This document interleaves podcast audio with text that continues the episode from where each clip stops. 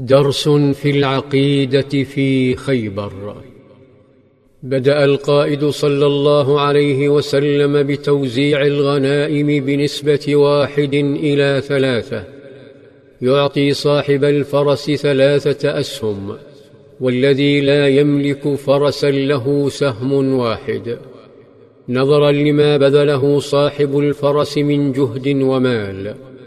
يقول الشاب بن عمر قسم رسول الله يوم خيبر للفرس سهمين وللراجل سهما ويقول أسهم للرجل ولفرسه ثلاثة أسهم سهما له وسهمين لفرسه.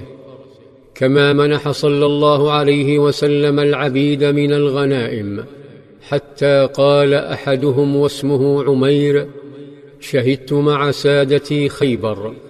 فأمر بي رسول الله صلى الله عليه وسلم فقلدت سيفا فإذا أنا أجره فقيل له إنه عبد مملوك فأمر لي بشيء من خرثي المتاع.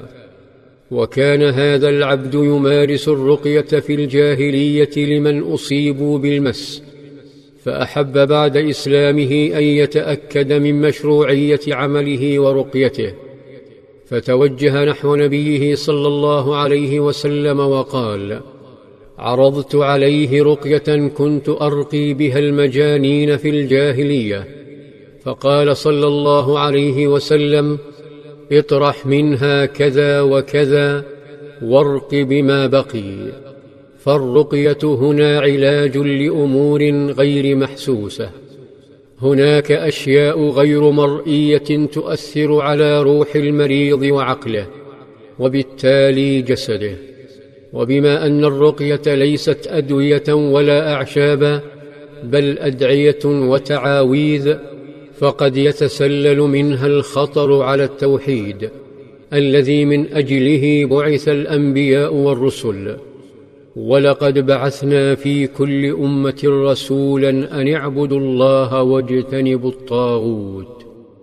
وبما أن تأثير الرقية لا يخضع لتجارب المعامل ولا يتكون نتيجة تفاعل مادي مدروس في هذه الحالة يكون الشفاء أشبه بالمعجزة عندها يتعلق المريض الجاهل بصاحب الرقية.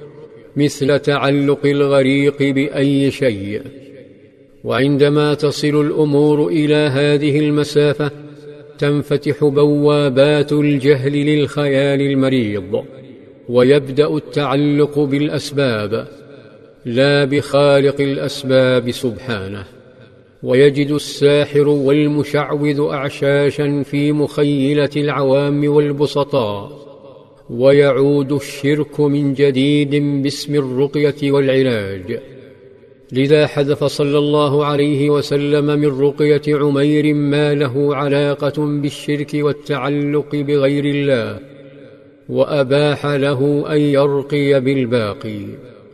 واصل القائد صلى الله عليه وسلم توزيع الغنائم فأعطى النساء منها. ومن بينهن صحابية اسمها سهلة بنت عاصم بن عدي ولابنة لها ولدت في خيبر.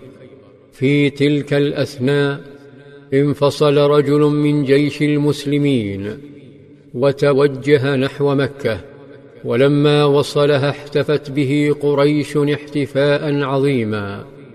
فتكدر العباس لاحتفائهم حتى عجز عن الحركة.